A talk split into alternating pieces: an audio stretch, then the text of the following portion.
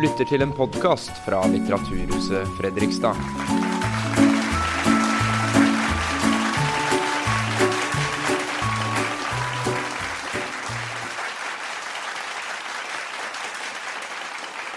Hei, hei. Eh, Velkommen til Litteraturhuset Fredrikstad. Jeg heter Jasmin, og jeg jobber her. Eh, I kveld skal vi komme tett innpå Nord-Koreas diktator Kim Jong-un. Eh, mange mener han drepte sin bror og sin onkel for å komme til makten. Han er bestevenn med den amerikanske basketspilleren Dennis Rodman, og vi hører stadig trusler om atomvåpen. Sunn Heidi Sebø er mangeårig utenriksjournalist, reportasjeleder, utgavesjef og nyhetssjef i Dagbladet. Hun har utgitt boken 'Kims lek' og er nå aktuell med 'Hvem er Kim Jong-un'. Eh, boken er til salgs etter arrangementet. Gi henne en varm applaus.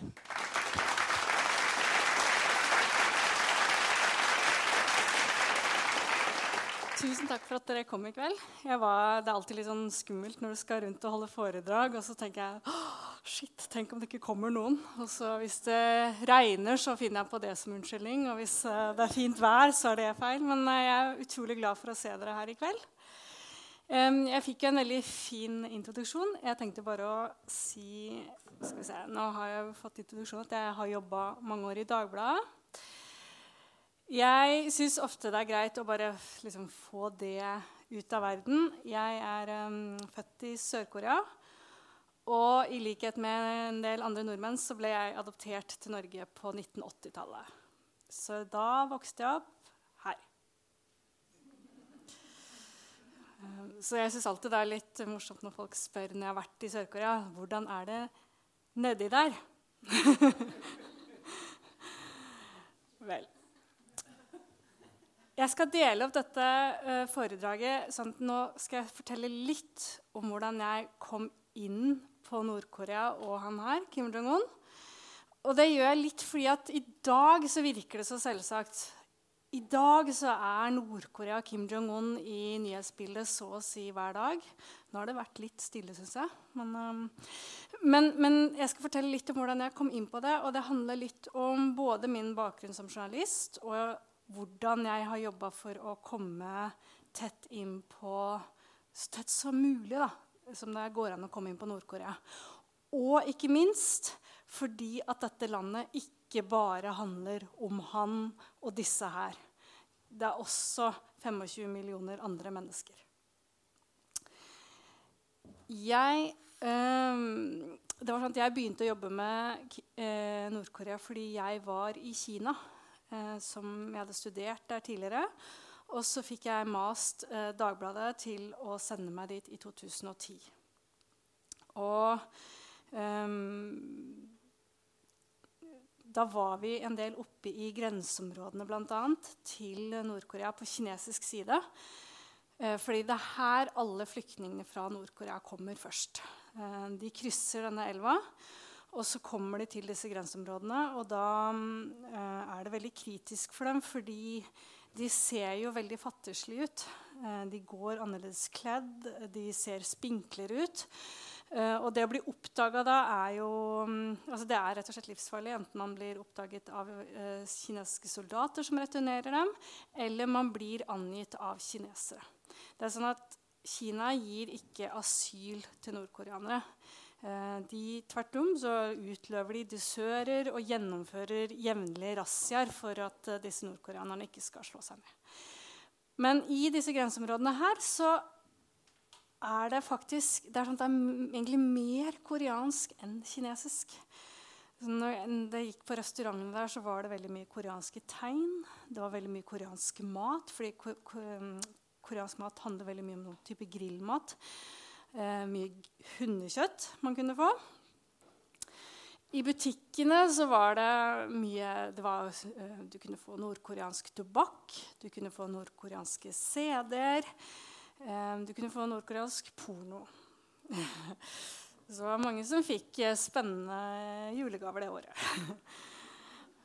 Ikke svigermor, men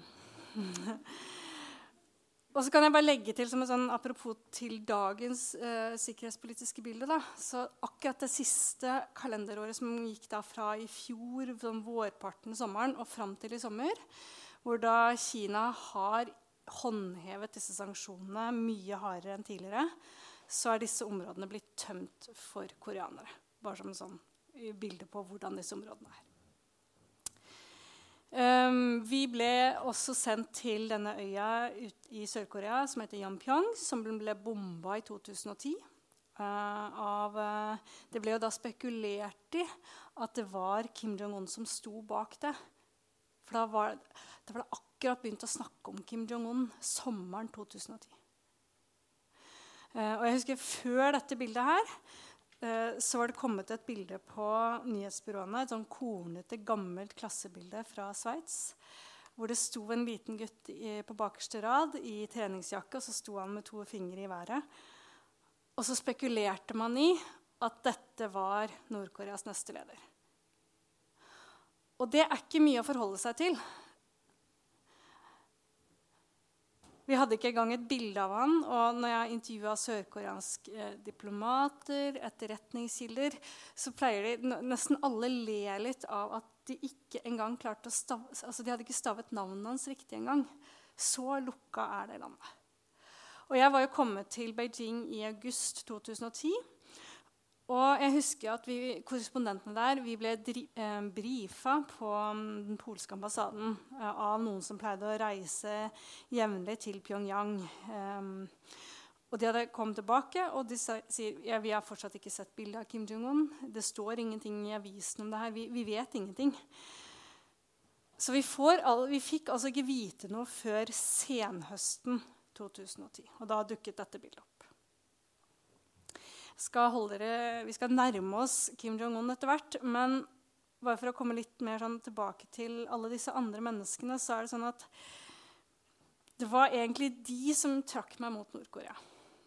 Eh, her har jeg intervjua bl.a. Jinna. Det er sånn at 80% av de som flykter fra Nord-Korea, er kvinner.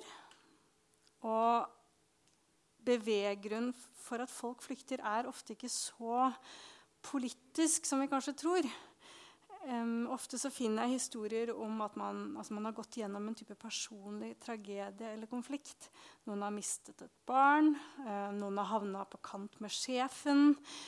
Eller de bare, Det er en håpløs situasjon, men det er jeg har aldri egentlig intervjua Eller jeg har jo det, men, men, det er veldig veldig sjelden disse intervjuene hvor det er sånn at man har gjort en politisk analyse og kommet fram til at jeg ikke kan leve under dette politiske styresettet det er denne type historier. Og Jinna hadde da opplevd Hun var en av de som var blitt angitt eh, i disse grenseområdene og var blitt tvangsreturnert to ganger. Og vi vet fra utallige rapporter at disse kvinnene som blir returnert, blir utsatt for mishandling. Og det hadde også skjedd med Jinna. Og hun frykta at hvis hun blir sendt, en, sendt tilbake en tredje gang, så er det ikke sikkert jeg kommer til å overleve. Her har hun bilde av sønnen sin som hun tenker at han kommer jeg ikke til å få se igjen. Dette er nordkoreanske barn Allah, altså som hennes sønn, som hun nå må forlate, som blir overlatt på barnehjem, hvis de er heldige, i Kina. De vokser opp helt uten rettigheter fordi de ikke er kinesiske statsborgere.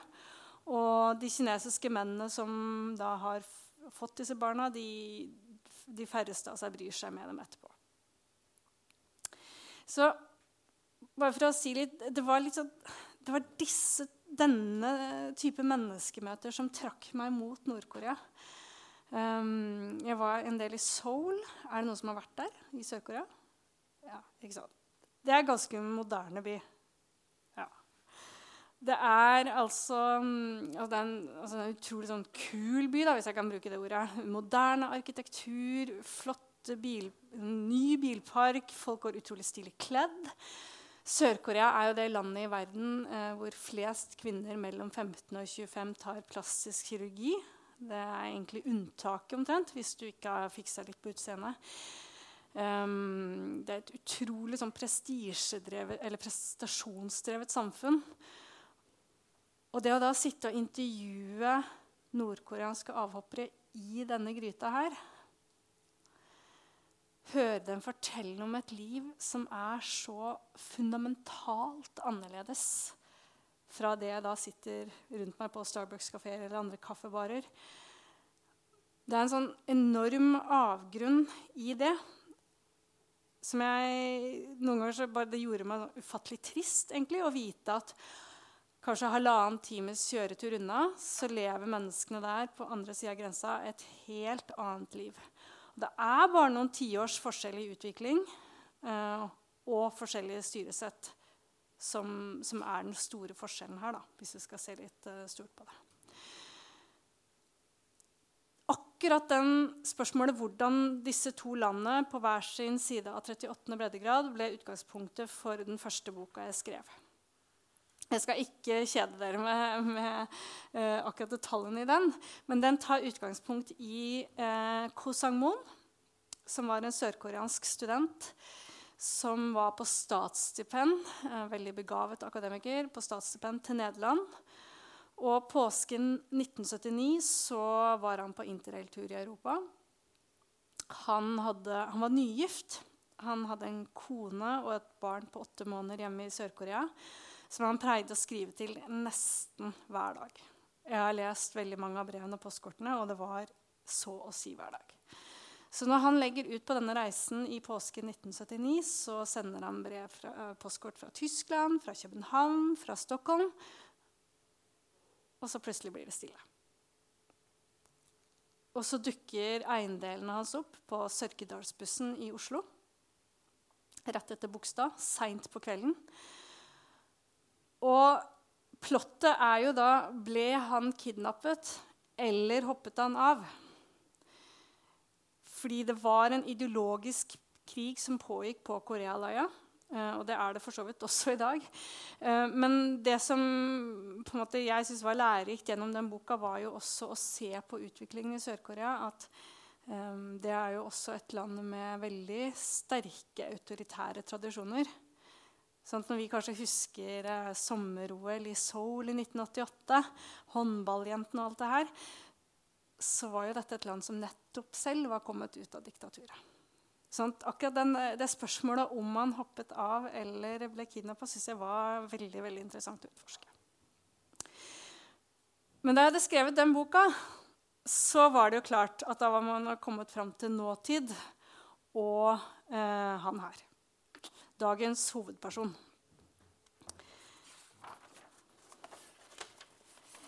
Um, Hvis vi skal forstå Nord-Korea i dag, så er vi nødt for å forstå Kim Jong-un. Og hvis vi skal forstå verdens yngste diktator med atomvåpen, så må man virkelig gå ganske grundig og jeg vil si litt kreativt til verks også.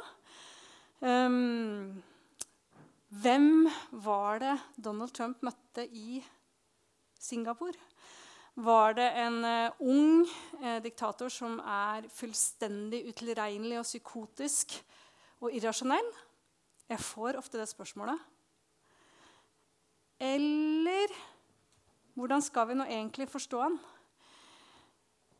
Det var grunnen til at jeg begynte å jobbe med eh, Kim Jong-un-bok. Det er ganske avgjørende å få svar på de spørsmålene der. Og noe av det som slo meg, var at bare sånn, noe så enkelt som hvor gammel han er. Hvis dere går inn på Wikipedia-siden på Kim Jong-un, så er noe av det første man begynner med der, er en lengre diskusjon om når, hvilket år han egentlig ble født. Det sier litt. Og som jeg sa, når jeg da eh, snakker med disse kildene som er så tett på problematikken nesten, altså uansett, liksom, de, de, begynner alltid å le litt av at de ikke engang klarte å stave navnet hans riktig. Og så det jeg prøvde å gjøre sånn, Jeg prøvde først å ta ett steg tilbake og se litt sånn på det store bildet her. Liksom Kim Jong-un. Og jeg synes at særlig det var liksom én ting som Når man skal se etter sånn bevegelse i en historie, så er det særlig én ting som skiller seg ut. Og det er at Kim Jong-un dreper. Og så tenker dere det er jo ikke så veldig uvanlig at diktatorer dreper. Det er jo nesten regelen. Men det som er forskjellen på Kim Jong-un og andre, er jo at han dreper sine nærmeste også. Dette er jo ikke bare politiske utrenskninger. Her snakker vi om en mann som da tok livet av sin egen onkel. Og det skal jeg komme tilbake til. Og som da tok livet, må vi anta, av sin egen halvbror. Og si, det, det, er ikke bare det at han, han, tar livet av sin egen bror, men han gjør det altså på den mest, tenk, mest tenkelig spektakulære måten. Jeg vet ikke om et annet sted i verden sånn, hvor det er flere overvåkningskameraer et strengere vakthold enn på en flyplass. Og han gjør det altså på høylys dag. Og det fikk meg til å spørre hva, Det var noe mer med den drapshandlingen her. Det, mer, det må ha vært noe han ville vise oss. Ikke sant? Dette er et regime som lever av å omgi seg med hemmelighold. Jeg har jo nettopp sagt at man egentlig ikke vet når han ble født engang. Men dette her, det ville de at vi skulle se. Så jeg tenkte jeg bare skal lese litt fra boka helt i starten, hvor jeg spenner opp lerretet og prøver å disse, sette disse spørsmålene inn i en litt større setting. Og det er sånn at jeg Ja, jeg kan komme tilbake til det. Vi leser. I en situasjon med mange spørsmål og nesten ingen svar var det kun én ting som var sikkert. Én mann var død, og både malaysiske og sørkoreanske myndigheter virket overbevist om at dette var virkelig Kim Jong-nam, den utstøtte eldre halvbroren til Nord-Koreas leder Kim Jong-un. Siden skulle avdødes identitet bli bekreftet.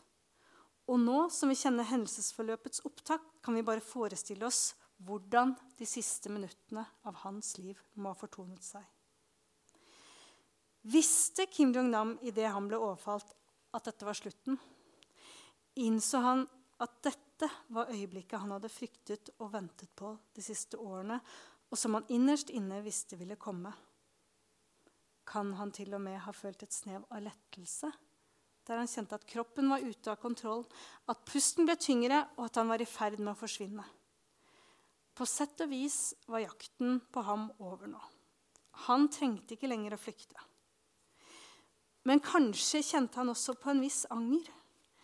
En bitterhet over at det var sånn det skulle ende.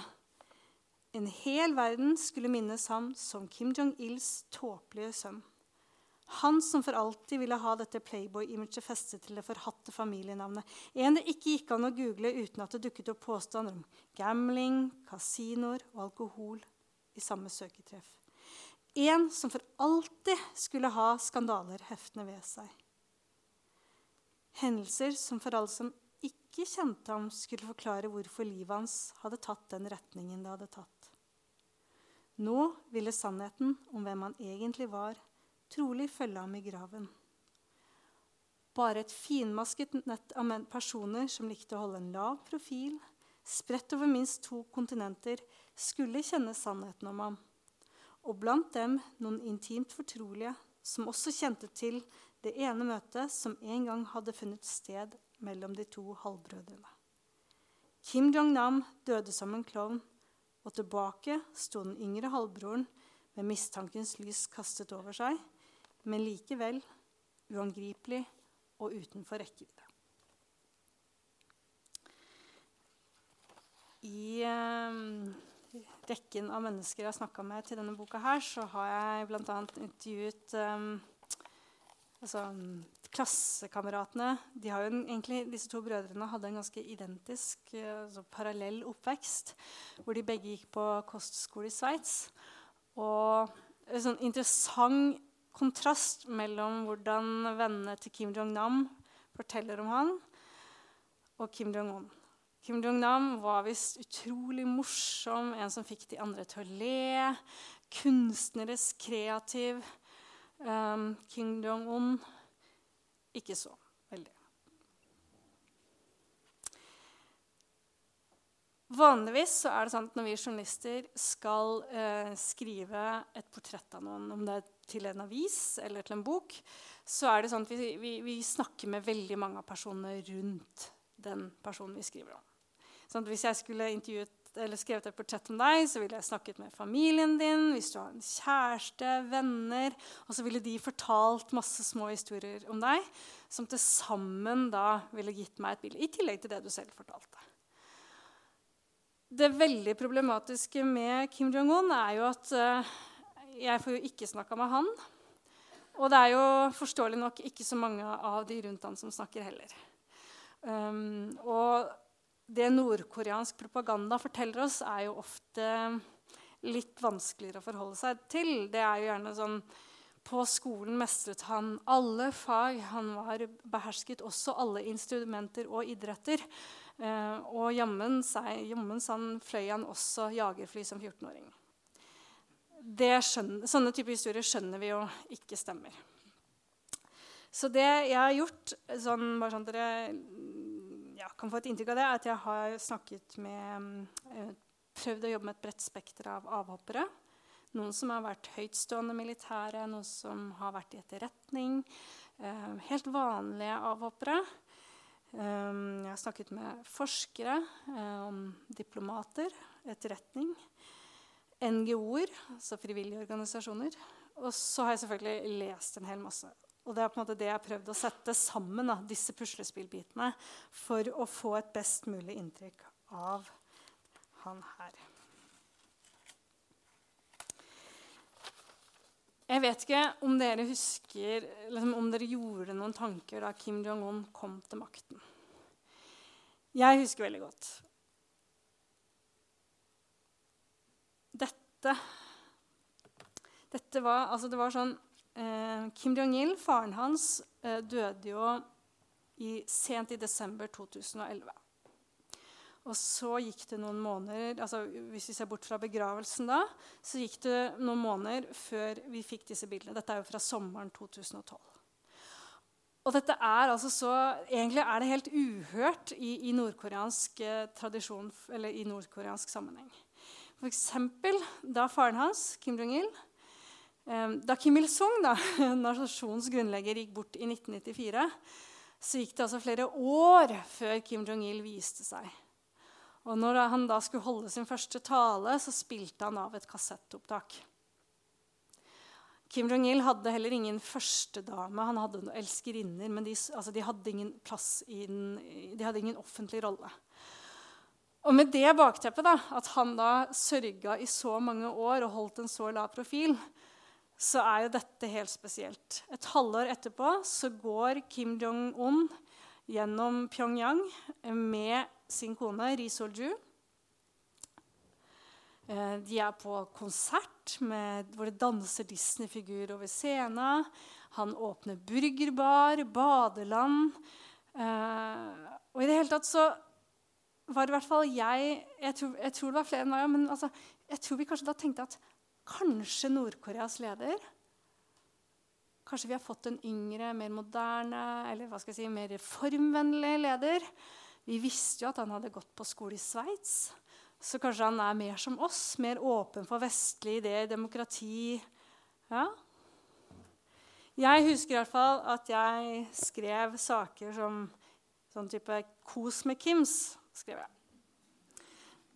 Det var veldig dumt. Fordi, og kanskje tenker jeg at vi fulgte ikke godt nok med på hva han egentlig foretok seg. For det her Husker dere det her? Dette er uh, bare for å forklare, dette, Nå er vi i desember 2013. Og dette er onkelen hans, Chang Song-tek. Han er rangert som nummer to i regimet, men er kanskje for alle praktiske formål kanskje muligens den mektigste. Han hadde hatt en mange altså Han hadde hatt, hva, skal vi si, han var vel eh, vært en aktiv del av regimet siden 70-tallet. Og da faren døde, så hadde han overlagt enda mer makt i hendene til Jiang Song-tek for at han skulle hjelpe Kim Jong-un med transisjonen. Og som vi sier på tabloidspråket, men det kunne ikke vært mer sant, det her kom jo som et sjokk på omverdenen. Den morgenen i desember 2013 da vi fikk vite at Jung Song-tek var blitt henretta. Da hadde altså plutselig denne trivelige fyren her gått til det stykket. Og jeg tenkte at I jakten da, når jeg skulle liksom prøve å forstå Kim Jong-un gjennom disse drapene, så er jo dette første drapet i 2013 veldig viktig å forstå. Det er nesten som en, um, Nesten som når man etterforsker seriemordere. så må man liksom, Hvor starta det? Og igjen da så må man stille seg spørsmålene dreper han fordi han er helt ute av kontroll. St altså, sto Kim Jong-un opp en dag og fikk det for seg at onkelen måtte dø? Um, hva var det som utløste dette drapet? Og etter hvert som jeg snakka med kilder, så føler jeg at jeg fikk et ganske godt bilde av at det lå en gryende maktkamp bak det drapet her. Lett å tenke seg at dette regimet framstår, det framstår jo som så samla og monolittisk utad. Men det viste seg altså at denne høsten så knaket det litt. Eh, jeg skal ikke si at det sto for fall på noen som helst måte, men det var klare eh, mm, fraksjonskamper. Og jeg skal lese litt eh, fra eh, Det er eh, utvida politbyråmøte som han ble innkalt til. Skal vi se. Nå må jeg bare finne siden hvor jeg skal lese fra. Jeg skal prøve å forklare hvor vi nå går inn i historien. Um, det var sånn, altså jeg har nå fortalt, det var en maktkamp i regimet. Og Chang Song-tek ante den høsten at noe var i gjære. Han fikk være med på færre arrangementer med Kim Jong-un. Han ble satt litt mer i skyggen. Og ikke minst så ble hans to aller nærmeste medarbeidere henretta. Og det er det vi nå skal få høre om. Det kan virke som det er mange navn, men det er altså hans to nærmeste vi skal høre om. Uh, og det, ja. Må spørre hvis dere ikke forstår. Lørdag 16.11. ble landets polititopper, det militære toppsjiktet og deler av partieliten kalt inn på kort varsel. Vanligvis fungerer det slik at om de får innkallelsen innen klokken tre dagen før, er de nødt til å stille i uniform til avtalt tidspunkt dagen etter. Fritak gis bare i helt spesielle tilfeller. Denne gangen ble de hasteinnkalt. Og det spesielle var at de ikke ble orientert om hva som skulle skje.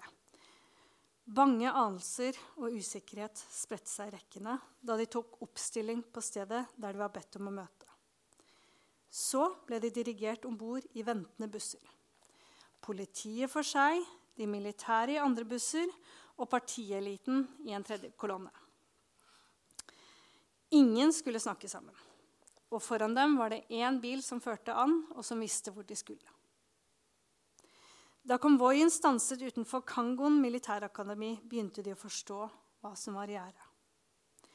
Militærakademiet, som ikke ligger så langt fra flyplassen, er oppkalt etter en av Kim Il-sungs kamphaner fra geriljakrigstiden og forbundet med prestisje og alvor. De 991 735 kvadratmeterne er veldig viktige. Rommer bl.a. en lesesal og et bibliotek for Kim Il-sung-studier, et auditorium, et, en idrettshall og militære treningsfelt. Kangon er kvintessensen av alt regimet ønsker å være.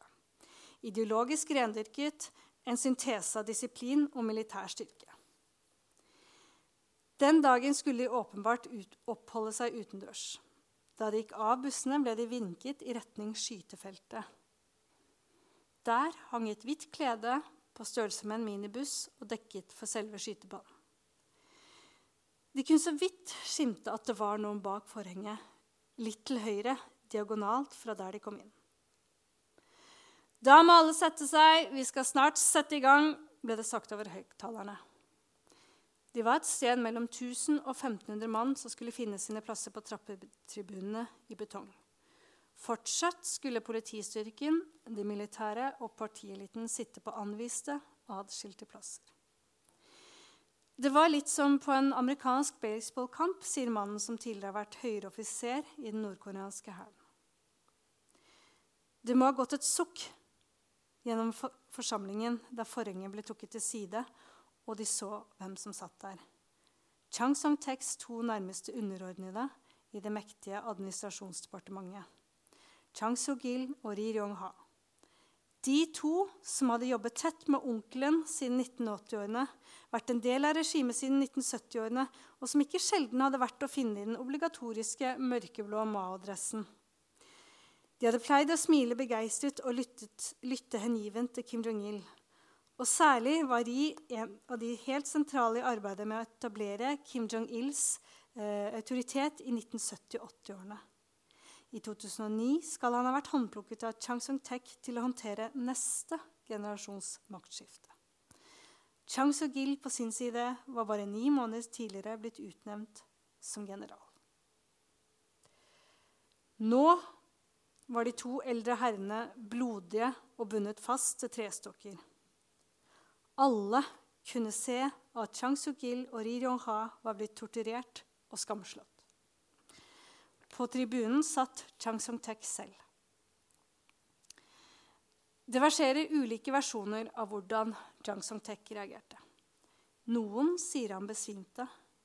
Denne kilden sier at onkel Jang ikke foretrakk en mine. Han satt bare der, uttrykksløs, som om han tenkte Hva er det som skjer? Det er på ingen måte forbudt å vise følelser under denne type arrangementer. Snarere tvert om. Derfor var det også ambulanse på plass denne dagen for å se etter publikum, i tilfelle noen fikk hjerteinfarkt av det som snart skulle skje. Det var ikke så mye en rettssak som det var domsavsigelse og iverksettelse av straffen de drøyt 1000 fremmøtte skulle bli vitne til. Det ble lest opp en heller kort tekst, og som et illevarslende frempek ble Jang Song-teks navn nevnt mot slutten. I revolusjonens navn, skyt dem! var beskjeden som ble ropt inn i mikrofonen. Chang Song-gil og Ri Ryong-ha ble ikke drept med vanlige skytevåpen og ammunisjon.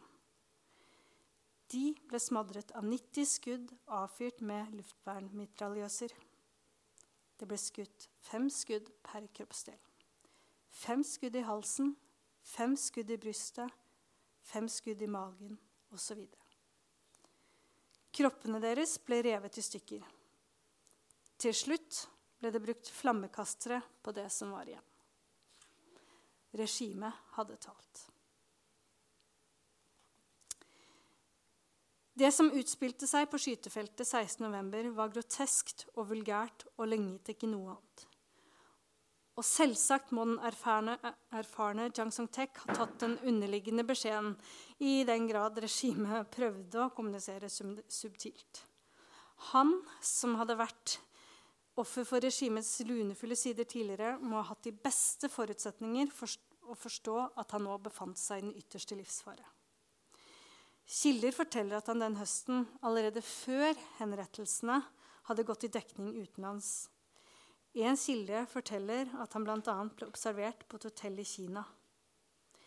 I et håp om å redde seg selv skrev han brev til sin nevø hvor han både tryglet og forsikret. Jeg er helt og holdent lojal overfor deg, skal Jang Song-tek ha skrevet.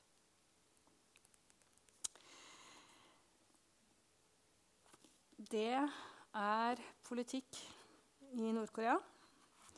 Eh, jeg skal ikke gå sånn veldig veldig, jeg må passe tida litt. Eh, jeg skal ikke gå så veldig inn på konflikten, men det handlet altså om at Jang Song-tek som eh, ledet det mektige administrasjonsdepartementet, hadde i 2010, mens faren ennå levde, fått i oppgave å revitalisere den nordkoreanske økonomien. Og det er jo ingen liten oppgave, for å si det sånn. Eh, og som i et ledd i å på en måte få kontroll over pengestrømmen, så hadde han da eh, bedt om å få de pengene som militæret hadde eh, rådd over i ti år. Og deler av tol, pengene fra tolletaten. Men det var spesielt da det militære som slo tilbake mot denne endringen, altså denne kursendringen. Ja, veldig kort om det. Men det forteller oss da, for å komme tilbake til Kim Jong-un, at det var i hvert fall ikke sånn helt uten foranledning at Kim Jong-un tok livet av onkelen sin. Det var et slags rasjonale bak det, eh, selv om metodene er jo helt forferdelige. Og det sies jo også, det er en som forteller at uh, en annen ting da, som Kim Jong-un skal ha reagert på, var uh, at Jang Song-tek her, fordi han var så mektig, så i partibygning, eller på partikontoret så hadde han et eget velværerom eh, med spesielle planter og blomster, og hvor det luktet godt, som han kunne trekke seg tilbake på. Og det hadde ikke Kim Jong-un, blant annet. Jepp. Så Dette var altså første gang vi virkelig ble kjent med drapsmannen Kim Jong-un. I tiden som kom, så ble, fikk vi vite at han tok eh, livet av flere høytstående partimedlemmer. Det kom bl.a. en rapport i 2015 tror jeg, som slo fast at han hadde tatt livet av 350 uh, høytstående partimedlemmer. Noen av dem er kommet tilbake i live, så da må vi nesten anta at de ryktene var falske. Um, men det er ingen tvil om at han på dette tidspunktet, etter at han var kommet til makten, virkelig prøvde å befeste sin posisjon. Så da står vi igjen med en mann som er ekstrem. Han er villig til å ta i bruk helt ekstreme eh, virkemidler for å komme til sitt mål. Og når vi da beveger oss inn på atomprogrammet, hva forteller det oss? Det forteller oss om en mann som er villig til å gå veldig langt for å nå sine mål. Det kan vi si. Jeg med mener at Kim Jong-un på ingen måte er en sånn Han er ikke gæren. Det er han ikke. Jeg mener at han, kanskje i motsetning til faren, f.eks., er nokså transparent og lett å lese. Og grunnen til at jeg sier det, er for at Kim Jong-un holder en del taler. Sånn som Kim Jong-il holdt ikke taler. Kim Jong-un holder taler, han holder lange taler.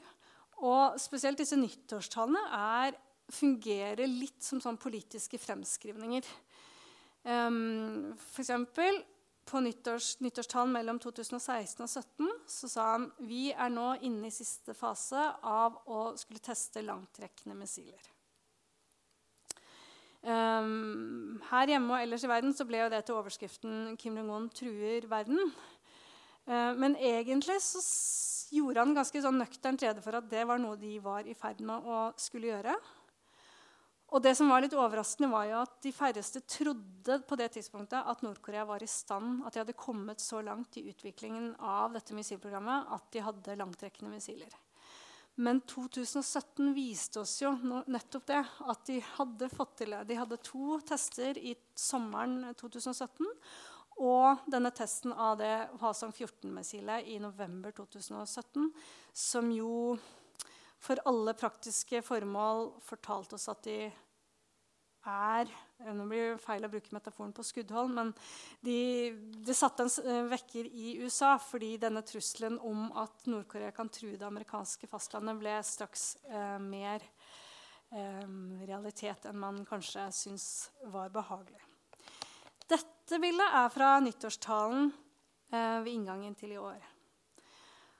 Og da hadde vi altså vært gjennom et utrolig um, et, et, år med veldig høy politisk spenning. Uh, det er så lett å glemme, men sånn, det var jo flere ganger hvor man trodde at man nesten var på randen av krig. Jeg vet ikke om dere husker når dere, vi oppfatta at Nord-Korea truet uh, stillehavsøya Guam, f.eks. Det var bare i august.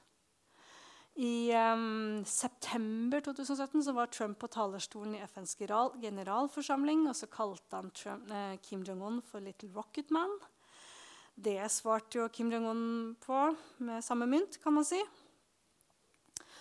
Men så går han da på denne talerstolen til nyttår, og så er det en slags helomvending vi ser. Da sier han vi er nå ved veis ende, sier han. Vi har utviklet atomvåpen og langtrekkende missiler. Og så gratulerer han eh, nabolandet i sør, eh, sør, med at de skal arrangere OL, og åpne for at de vil delta. Og så vet dere jo nå hvor fort dette gikk. I, det gikk jo slag i slag etter denne talen. Sør-Korea svarte med en gang. Nord-Korea sendte delegater. de sendte Søsteren hans dro til Seoul og var med på åpningsseremonien. De sendte et hockeylag, eller bandylag, var det kanskje. Um, sånn at det var jo det som la grunnlaget for at um, Kim Jong-un etter hvert møtte uh, Donald Trump. Hvis jeg skal si litt sånn mer om Kim Jong-uns og hans politiske doktrine, så har han jo for det henger veldig sammen med dette atomprogrammet, så har han jo en politikk som han kaller Byongjin-doktrinen. Um, og det betyr to spor eller begge. Um, og det var noe han lanserte i mars 2013. Og der lover han da ganske enkelt at han skal gi landet både atomvåpen og økonomisk vekst.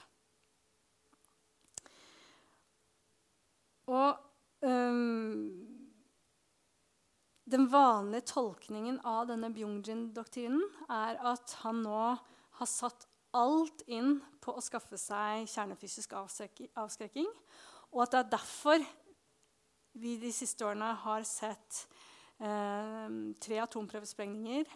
Og han har vel gjennomført nesten tre ganger så mange missiltester som sin far og bestefar til sammen. Sant? Så han har virkelig eh, forsert den utviklingen de siste årene. Så, så, tolkningen er at han nå har eh, satset alt på å skaffe seg kjernefysisk avskrekking, og for at han nå skal, skal, kunne konsentrere seg om å skape økonomisk vekst. Jeg blir aldri helt sikker på om jeg 100 er enig i den tolkningen. Um, men det man kan si, er at han Ehm, det er beviselig sånn at han prøver å skape økonomisk vekst. Han er ganske ærlig på de hensiktene. Ehm, som jeg sier, så Når han holder taler, så snakker han mye om det. Han sier det. Ehm, jeg vet at jeg må gjøre mer for å heve levestandarden. Jeg vet at jeg ikke har gjort nok, særlig for de yngre. Jeg vet at jeg må få slutt på den akutte strømmangelen. Og man vet jo også at Kim Jong-un har bl.a. sendt eh, partitjenestemenn til Mallorca, Spania, for at de skal se på charterparadisene, hotellene og badeland der. Og så prøver de å utvikle det samme i kystbyen Wonsan i Nord-Korea. Jeg har ikke vært der sjøl, dessverre, men det skal være en veldig sånn vakker, eh, vakkert sommerparadis som Kim-familien også har veldig gode minner knytta til. Og så har han fått trykket opp brosjyrer på mange språk som han deler ut i et forsøk på å skaffe investeringer til dette ferieparadiset. Han prøver også å bygge ut et uh, elvekasino, har jeg forstått. I, um, og en del av disse forhandlingene med Sør-Korea nå går jo ut på at de skal um, få til mer økonomisk samarbeid. Og så prøver han også å få til um, økonomiske reformer.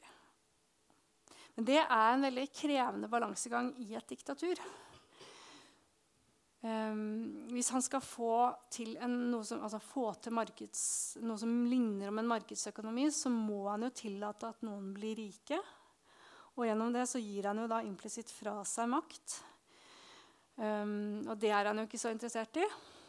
Uh, noen av de jeg intervjua, som da tilhører det man kaller Donju-klassen i Nord-Korea, de som er litt rike, de er veldig fortvila over han. Uh, de hevder jo at under faren så var det mulig for dem å drive handel og investeringer. Mens Kim Jong-un han tar mye mer av pengene deres. De sier han tar nesten 70 av profitten vår. Um, og det er jo sånn at I Nord-Korea så har man jo ikke skatt, men man har frivillige donasjoner. Uh, og disse frivillige donasjonene er da noen av disse, denne Donju-klassen som føler at Kim Jong-un forsyner seg altfor grovt av. Og Da kommer man også litt sånn inn på dette drapet med, med Jang Song-tek. Fordi de sier hvis han kan gjøre dette mot sin egen onkel, hva gjør han da med sånne småfisker som oss? Sant?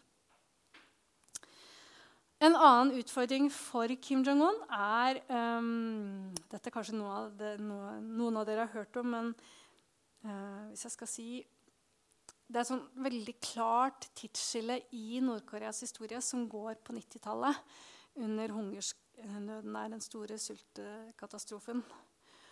Og en direkte konsekvens av den hungersnøden, hvor alt brøt sammen. Det offentlige rasjonssystemet funket ikke lenger. Staten kunne ikke lenger ta vare på folk.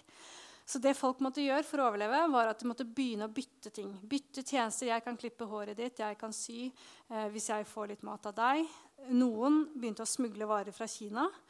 Og regimet måtte rett og slett se mellom fingrene på det her, fordi at ellers så hadde ikke folk overlevd. Og det var jo allerede veldig, veldig mange som døde under den hungersnøden. I dag så er jo dette blitt en helt ves, altså fast, si, en vesentlig del av den nordkoreanske økonomien. Eh, det kalles Jiang Madang. og er en, Det er i bokstavelig forstand en markedsøkonomi hvor nesten alle store byer har disse store markedene. Og det kan egentlig minne litt om sånn små kjøpesentre med uniformer, og hvor man betaler leie for å, for å ha en bod. Um, men dette gir jo også utfordringer for Kim Jong-un, fordi her får folk tak i radioer, de får tak i DVD-er. De får tak i USB-stikker med sørkoreansk såpeopera, eh, Hollywood-filmer, eh, musikk. Og det gjør at når de ser hvordan livet er i Sør-Korea, eller de ser Hollywood-filmene, så kan jo ikke Kim Jong-un lenger si at de lever i verdens beste land. Han kan ikke ordlegge seg fullt på samme måte med like stor troverdighet. De ser jo at livet er mer avansert andre steder. Og så tror jeg ikke, Nå skal jeg ikke snakke meg bort i akkurat det, den tematikken, men jeg tror ikke vi skal tenke at fordi at folk blir eksponert for det her, så um, tar de et oppgjør med regimet. Um, igjen så føler jeg ikke at det liksom er disse, at de kom, gjør denne type politiske analyser. Um, men det setter Kim Jong-un under et press allikevel om å bedre, gjøre livet bedre for menneskene i Nord-Korea. Um, så kan man jo da spørre seg hvis, hvis Kim Jong-un er så opptatt av å skape økonomisk vekst, så veldig, da kunne jo et veldig godt råd til han vært ja, men hva om du bare gir opp atomprogrammet og missilprogrammet her og nå? For da forsvinner jo sanksjonene, og så blir jo alt veldig mye enklere. Og mitt svar til det da er jo at verden rett og slett ser annerledes ut fra Nord-Korea. Dette er et land og en befolkning som har vokst opp eh, i en forestilling om at det var USA som startet Koreakrigen. Um, de, har vist meg på sånn 3D-modell uh, i Nord-Korea hvordan de amerikanske imperialistjævlene rykket over grensa. Uh, selv om det er beviselig feil, så er det noe de tror.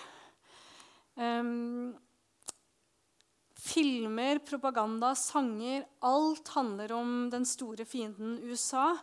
Eh, når de lærer å lese og regne og skrive, og der hvor vi da drev med epler og pærer, så driver jo de med amerikanske imperialistjævler. Hvor mange har du igjen hvis du drepte så mange? Dette er fra en barnehage. Altså, dette er et veggmaleri i en barnehage som jeg besøkte. Um, og jeg tror Det er utrolig viktig å forstå at Kim Jong-un også er et produkt av dette. At vi kan tenke at jo, jo, men dette gjør de jo fordi de trenger, regimet trenger denne propagandaen for å skape et fiendebilde. Men jeg tror også at regimet selv blir et produkt av denne tenkningen. Um, så de er, som de sier til meg, vi er kampklare. Det henger banner i Pyongyang hvor det står vi forbereder oss på den store krigen med Amerika.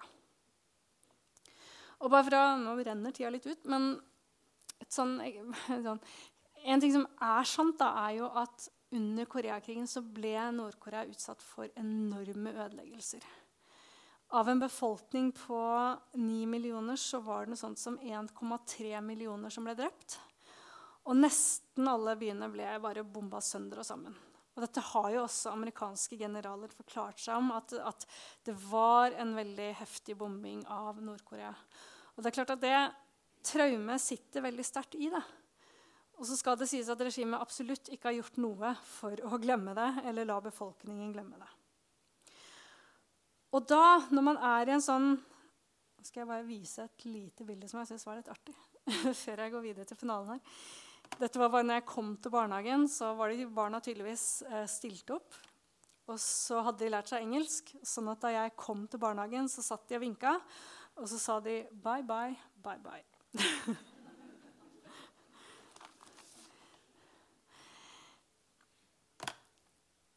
dette, hvis vi tar med det dette traumet fra Koreakrigen som de holder så i hevd, så er jo dette skrekkscenarioet for Nord-Korea.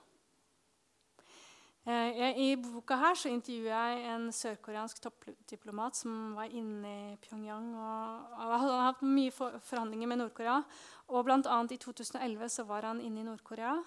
De um, hadde vært rundt omkring på dagen og sett på ting. Og så til kvelds så satt de rundt bordet og spiste middag. Snakket om løst og fast. Og så brått så er det sånn at den nordkoreanske motparten eh, skifter tema veldig sånn uten, uten noe eh, foranledning. Og så sier han Vet du hva som kommer til å skje med Libyas diktator Muammar Gaddafi? Og så blir jo han sørkoreanske diplomaten som jeg har snakket med, litt sånn perpleks. Hvor kom det fra? Så sier han nei, jeg vet ikke det. Så sier han han kommer til å dø fordi han ga opp sine atomvåpen. Ja vel, tenkte han diplomaten. Men så sier han til meg, 'Vet du hva som skjedde på flyplassen dagen etterpå?' Da jeg skulle dra?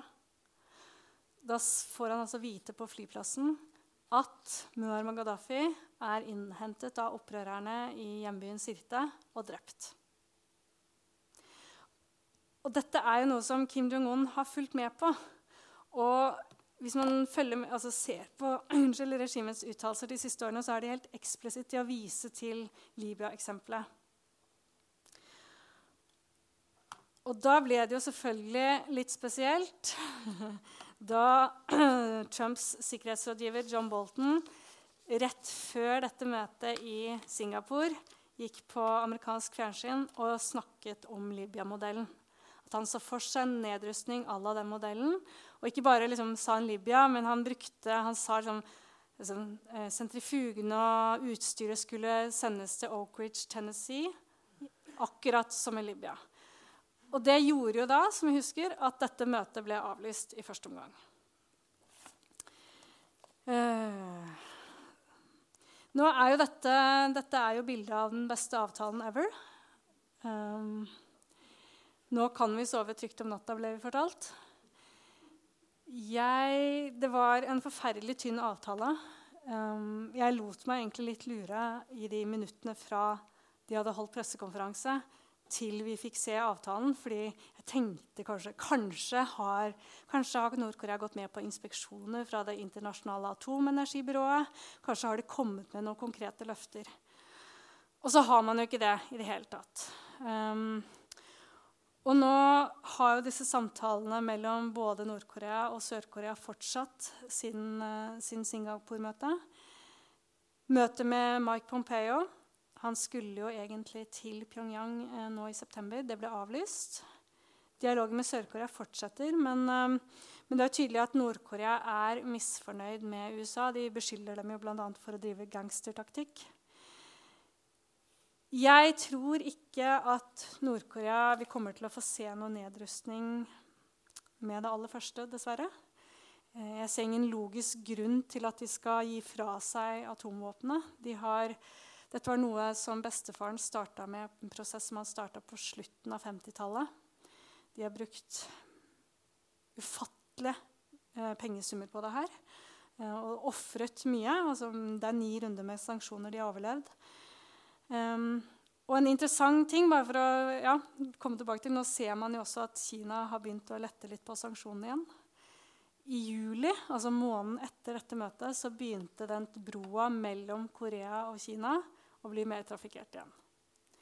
Og det kan man jo liksom ha i bakhodet nå med denne handelskrigen som man eh, mer eller mindre enten er inne i eller bare ser starten på. Um, at det kanskje også blir et kort inn i, i de forhandlingene, eller i det spillet der. Um, ja. Jeg tror som sagt var det, Jeg husker jeg sto utenfor hjemmet til Kim Il, eh, barndomshjemmet hans, og diskuterte med min nordkoreanske oppasser. Og spurte han men hvorfor trenger dere atomvåpen. Og så sa han eh, Du vet det. Tenk deg at du er en liten frosk i en dam. Så det er et veldig sånn rart spørsmål. Men ja, OK.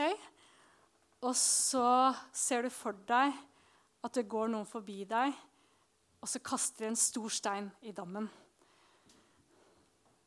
For den som går forbi, så betyr det ingenting. Men for den som er i dammen, så er det et spørsmål om liv eller død. Og det er sånn vi ser på det. De fortsetter å leve i denne, denne forestillingen om at de er trua. Klarer ikke å fri seg fra den tanken.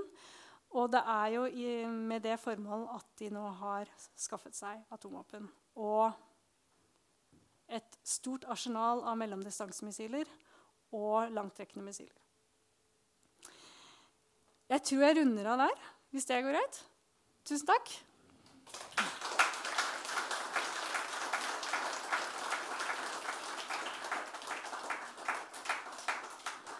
Nå forsto jeg det sånn at det var um, muligheter for å kjøpe boka der ute, og det håper jeg noen har lyst til.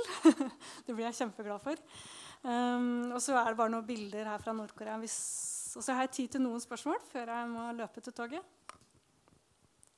Er det noen som har noen spørsmål? Ja? Hvor får de disse forskerne fra som kan lage atomvåpen og raketter som er ganske avansert, tydeligvis? USA må jo få forskere fra Tyskland etter krigen. og de, ja, Hvordan er det de fått til? Det begynte med at um, Kim Il-sung uh, fikk til et samarbeid med Sovjet. Men det var ikke et veldig sånn, Sovjet var ganske nølende. Uh, så det, det, som var da, På det tidspunktet på slutten av 50-tallet så hadde Nord-Korea har jo mineralene som skal til. Så de bytta med Sovjet. Um, sånn at de fikk hjelp til å bygge en forskningsreaktor fra Sovjet. Og de fikk lov å sende forskere til Moskva. Um, det var, det var liksom den første starten. Og der har de jo gjennom tiårene sendt hundrevis av forskere til, for å få utdanning. Og så var jo som sagt Sovjet var ikke så veldig glad for det her. Ikke Kina heller. sånn at um, frem til 70-tallet så måtte de, de opprette egne institutter i Nord-Korea for å liksom, virkelig satse på det her. Um, men det er jo, liksom, gjennombruddet kom jo først seinere. Når det gjaldt missiler, så drev de Det er ikke så uvanlig at man driver den type reverse engineering. De fikk kjøpt noen missiler, eh, tok de fra hverandre. Og så kunne de, på slutten av 80-tallet så var de blitt en eksportør selv. Når de da kunne eksportere missiler, så hadde de noe å bytte. Da um, Jeg vet ikke om du husker han Khan i det um, pakistanske Khan-nettverket, han som hoppet av. på en måte. Da han begynte å selge eh, teknologien sin, sentrifugene, så hadde Nord-Korea noe å bytte med han. Og da fikk de jo ja, muligheten til å anrike uran. Er det andre spørsmål? Ja. Putin prøver egentlig å komme seg litt på banen her. Um, de har jo en spesialutsending som jeg tror heter Oleg Burmutskij. eller noe sånt. Nå husker jeg ja, ikke, Hvis det navnet ble feil. Han har jo møtt med Nord-Koreas utsending i, og hatt egne forhandlinger eller samtaler eh, parallelt. Um, og så har de prøvd å få til et økonomisk samarbeid, bl.a. utbygging av jernbane. Det har ikke gått så veldig bra. Og det handler jo om at Nord-Korea ikke har noen tradisjon for økonomisk samarbeid. Eh, sånn at eh, de forsøkene som har vært på å investere, få til den type fellesforetak, som bl.a. var jo noe av det som eh, ga Kina den nødvendige drahjelpen, der er det jo fortsatt sånn at Nord-Korea de stjeler teknologien. De, si, det er rett og slett ikke gode samarbeidspartnere. Uh, men jeg tror nok vi kan komme til å se en mer aktiv Putin uh, i det her spillet.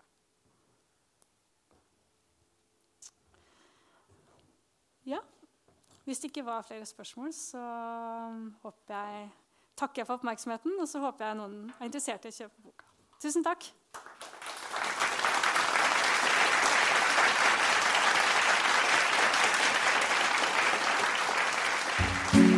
Nå har du hørt en podkast fra Litteraturhuset Fredrikstad. For mer informasjon, klikk deg inn på lytthusfred.no.